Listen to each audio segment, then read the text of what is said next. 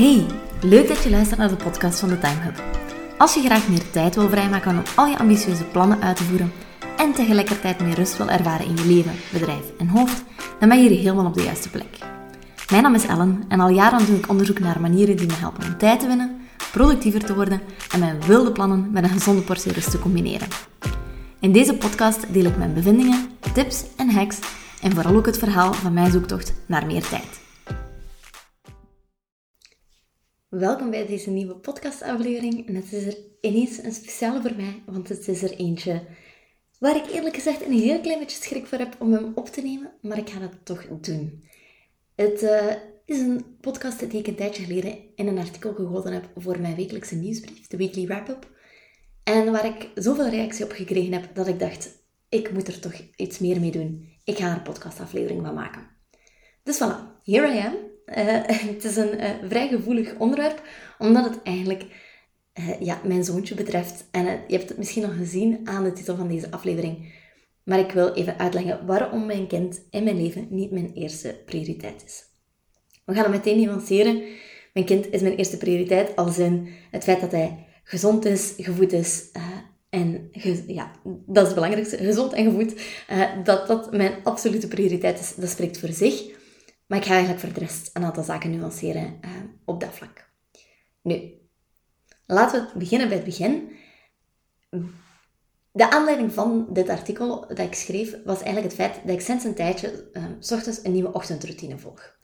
Met de geboorte van mijn zoontje stond eigenlijk de allereerste maanden alles in het teken van uh, zorgen voor, waarmee ik hem mijn prioriteiten maakte. En die logica is helemaal oké en perfect normaal tijdens de eerste periode, want ja, voor alle nieuwe mama's ofwel moet je het nog leren kennen, ofwel voor alle bestaande mama's heb je het al meegemaakt. Je bent nog volop op zoek naar een nieuwe routine, een nieuwe manier van functioneren als persoon, als kerstverse moeder en als gezin. Nu, tot een tijdje geleden uh, merkte ik eigenlijk dat ik steeds nerveuzer aan mijn dag begon en dat dat een gevoel was dat de hele dag door bleef hangen. Dus ik merkte dat het tijd was om ja, eerst eens stil te staan bij waar dat gevoel vandaan kwam en dat het ook tijd was om mezelf terug mijn eerste prioriteit te maken. Ik geloof namelijk ontzettend hard in het happy mama, happy baby verhaal. En ik merkte dat mama not too happy was lately. En dat kwam doordat mijn prioriteiten er eigenlijk sinds de geboorte van mijn zoontje, en dat tot hij een maand of negen oud was, er als volgt hebben uitgezien. Op de eerste plaats stond mijn zoontje, op de tweede plaats mijn partner, op de derde plaats al de rest van mijn familie, op de vierde plaats mijn missie en op de vijfde plaats mezelf. En dan heb ik nog heel wat andere plaatsen voorzien voor mijn fantastische vrienden en dergelijke. Maar bon, het heeft eigenlijk geduurd tot een coaching sessie met mijn mindset coach, tot ik besefte wat, ik, wat mij de laatste tijd eigenlijk aan het tegenhouden was, of wat dat mij die stress aan het geven was. Van iemand die de laatste twee jaar in haar leven altijd voert had gezegd, tegen alles wat dat per se moest, en die stilletjes aan de recovering people pleaser was aan het worden, zorgde de geboorte van mijn zoontje er eigenlijk voor dat ik opnieuw alles en iedereen boven mijn eigen welzijn aan het plaatsen was. Zo was het tot jaren geleden geweest. En ik had toen in mijn privéleven, laten we zeggen, al heel veel werk daar rond verricht om daar eigenlijk mee te leren omgaan. Ik heb een tijdje geleden heel erg geschrapt in uh, mijn vriendengroep. Klinkt weer super gemeen. Mensen gaan misschien ho ho ho zeggen als ze dit horen. Uh, maar het was ook wel zo. Alle mensen die mij geen energie gaven, heb ik eigenlijk zonder mij ervoor te schamen uit mijn adresboek geschrapt. En heb ik toen besloten, wat zijn de mensen waar ik wel nog tijd en energie aan wil geven. Dus dat waren eigenlijk al een aantal stappen die ik aan het zetten was om dat people pleasen en dat perfectionisme op dat vlak uit mij te gaan krijgen. Ook wat betreft mijn business ben ik eigenlijk het type persoon geweest dat altijd dacht van, ho, je hebt de conventionele manier van werken, maar ik zal er wel mijn eigen draai in vinden. En tot nu toe had dat altijd goed gewerkt. Maar ik merkte, dat dus sinds de komst van mijn zoontje, dat ik zodanig ja, goed voor hem wou zorgen, dat ik eigenlijk terug in die oude rollen aan het hervallen was van iedereen voor mezelf plaatsen. En eerlijk gezegd, niemand wordt er echt gelukkig van. Door non-stop voor anderen te zorgen en iedereen altijd happy te willen maken, begon ik zelf onrustiger te worden, altijd weer alles tegelijkertijd te doen en niets nog echt mijn aandacht te geven.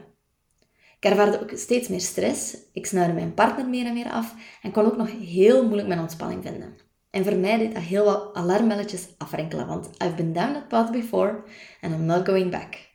Dit soort van gedrag is eigenlijk exact wat er drie jaar geleden voor gezorgd heeft dat ik bijna in een burn-out terecht kwam. Het was dus tijd om mijn prioriteiten te gaan herevalueren. Ik heb de boot omgegooid en eigenlijk besloten dat vanaf vandaag of vanaf dat moment mijn prioriteiten er anders zouden uitzien. Nu ziet het er eigenlijk zo uit dat ik mezelf op de eerste plaats zet, dat mijn kind daarna komt, dan mijn missie, dan mijn partner en dan mijn familie. Gasp! Wat? Jij zet je kind dus niet op de eerste plaats? Jawel, je hoort het goed. Mijn kind staat op twee. Schande! Hoe durft ze? Wel, happy mama, happy baby, remember? Ik geloof persoonlijk dat als ik niet gelukkig ben, ik mijn kind niet gelukkig ga kunnen maken. Opnieuw, we kijken hier weer naar ervan uitgaande dat alle basisbehoeften vervuld zijn.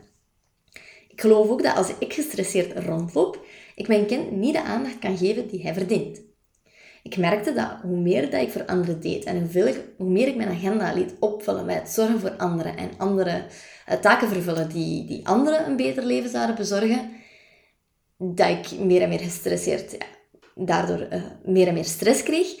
En dat ik dus eigenlijk ook meer en meer lastig begon te doen ten opzichte van mijn kind. Dus als hij aandacht vroeg van mij, dat ik dacht, mama kan het nu eventjes niet aan. Mama heeft veel te veel andere dingen om voor te zorgen.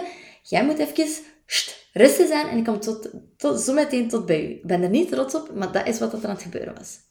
Dus ik geloof ook dat als ik op dat vlak niet voor mezelf zorg, ik niet voor mijn kind kan zorgen.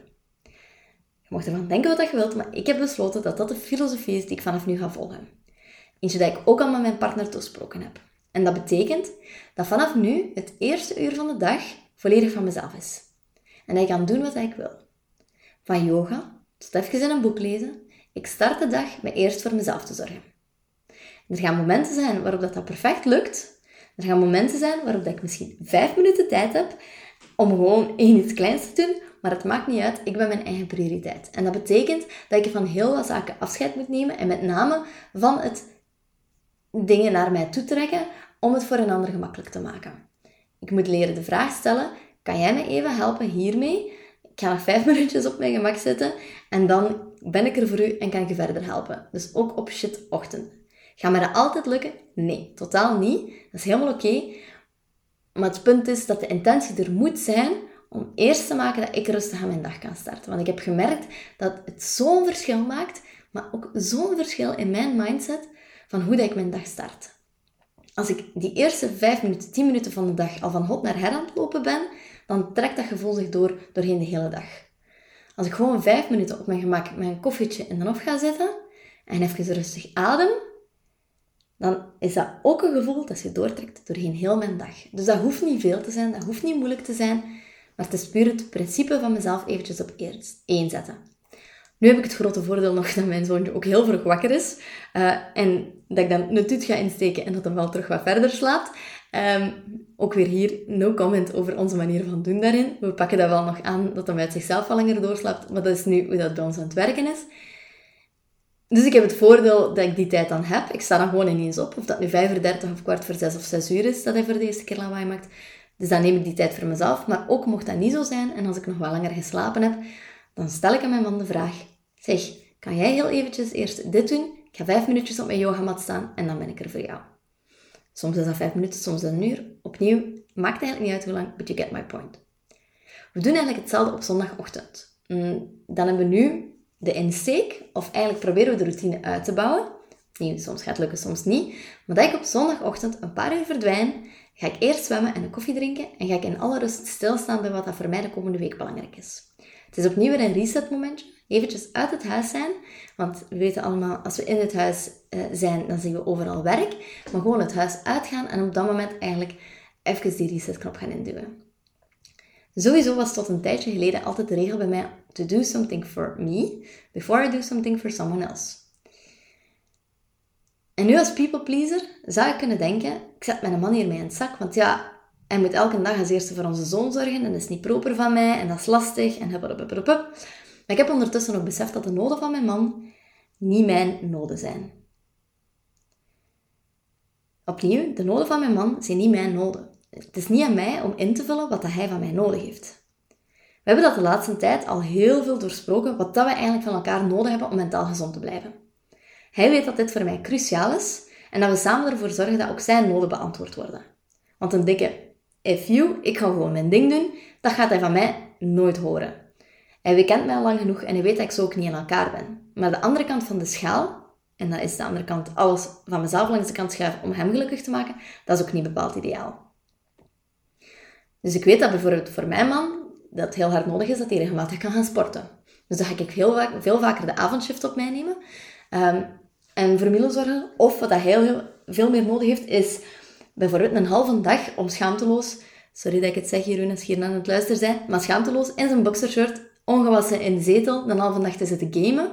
Of om gewoon te zitten programmeren. En dat gaat ook niet als Milo thuis is. Dus wat ik dan ga doen, is Milo meenemen, naar mijn ouders gaan of gewoon ermee op pad gaan, zodat hij ongestoord die paar uurtjes thuis kan hebben. Dus ik compenseer dat wel, want voor mij is dat dan op dat moment, eh, laten we zeggen tussen aanhalingstekens, veel minder een, een last of veel minder moeilijk als ik die tijd voor mezelf in de week s ochtends al gehad heb. Als ik die vijf minuten s ochtends voor mezelf heb, dan kan ik de wereld aan. De aandachtige luisteraar heeft misschien ook gehoord dat mijn missie en dus mijn bedrijf ook nog voor mijn man in het lijstje staan. Oh ja, en mogelijk, mogelijk is dat er ook eentje dan nog voor wat commentaar zorgt, maar mijn missie is mijn droom. Mijn bedrijf is, voordat mijn zoontje er was, mijn grootste geluk en dat is het beste wat ik tot nu toe voor mezelf gecreëerd heb. Ik wil mijn partner absoluut gelukkig zien, maar als ik door hem voorop te zetten en niet meer mijn passie zou kunnen uitvoeren, dan weet ik gewoon dat ik hem op dat op langere termijn ook kwalijk ga nemen. Als ik terug naar de 9 to 5 zou moeten gaan, waarin ik al mijn werk aan een baas moet verantwoorden, doordat ik al mijn tijd heb opgeofferd om iemand anders leven gemakkelijker te maken, dan word ik gegarandeerd ontzettend ongelukkig en weet ik gewoon dat onze relatie op lange termijn er ook onder gaat lijden. Het is iets wat ik de laatste weken en maanden opnieuw gemerkt heb, dat hoe um, nerveuzer dat ik rondloop en hoe ongelukkiger dat ik natuurlijk word van het feit dat ik mezelf niet voorop plaats, ja, hoe meer dat ook een impact op hem heeft. Want, to be honest, ik word echt geen aangenaam persoon dan. Ik snauw hem af, ik uh, ween voor het minste, gooi daar nog eens wat hormonen bovenop en de boel ontploft helemaal. Dus het is sowieso ook van onze relatie niet gezond op lange termijn. Neem vooral ook nota van het feit dat dus een van mijn grootste valtuilen ook is dat ik zelf constant invul wat ik denk dat mijn man van me nodig heeft en vervolgens hierop actie ga ondernemen. Dat ik eigenlijk nog voordat hij het vraagt, werk en taken uit zijn handen ga nemen. En dat ik zelf nogal de neiging heb om in te vullen voor een ander. Dus dat ik de magische vraag, wat heb je van mij nodig, wat heb je echt van mij nodig, ook wel nog altijd een klein beetje moet leren. Dus we bespreken de noden heel hard. We kijken wat we van elkaar nodig hebben. Maar sowieso weet ik dat ik het voor mezelf ook nog moet leren. Maar dat is een verhaal voor een andere keer. Goed, met deze podcast heb ik uh, opnieuw een klein stukje van mijn ziel blootgelegd. Uh, heel persoonlijk, uh, heel hard hoe ik het zie. So don't hate me for it. maar ik geloof wel dat dit een persoonlijk, persoonlijke prioriteit op deze manier opstellen een enorm krachtige oefening kan zijn en een heel krachtig besef kan zijn. Want hoewel ik op veel vlakken vind dat de wereld best wel altruïstischer zou mogen zijn, is dit nu persoonlijk, vind ik, een situatie waarin wat egoïsme best is toegestaan. Want you can't pour from an empty cup. Het is een vrij bekende quote en dat met een goede reden.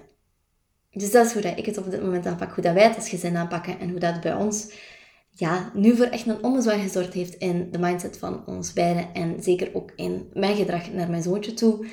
Ik merk dat hij veel gelukkiger is en veel rustiger is sinds dat mama weer beter voor zichzelf zorgt. Dus dat is onze aanpak. Met deze aflevering wil ik je gewoon even uitnodigen om voor jezelf je prioriteiten te gaan herdefiniëren en te kijken wat dat jij nodig hebt om jezelf op de eerste plaats te kunnen zetten. Because remember, happy mama, happy baby. Heel veel succes ermee en ik zie je heel graag in de volgende aflevering. En mocht je nog vragen of opmerkingen hierop eh, hebben die goed bedoeld zijn, dan mag je me zeker een berichtje sturen op Instagram of me een mailtje sturen. Maar no hate please, want die ga ik gewoon uh, ruthlessly verwijderen. Tot de volgende aflevering. Doei!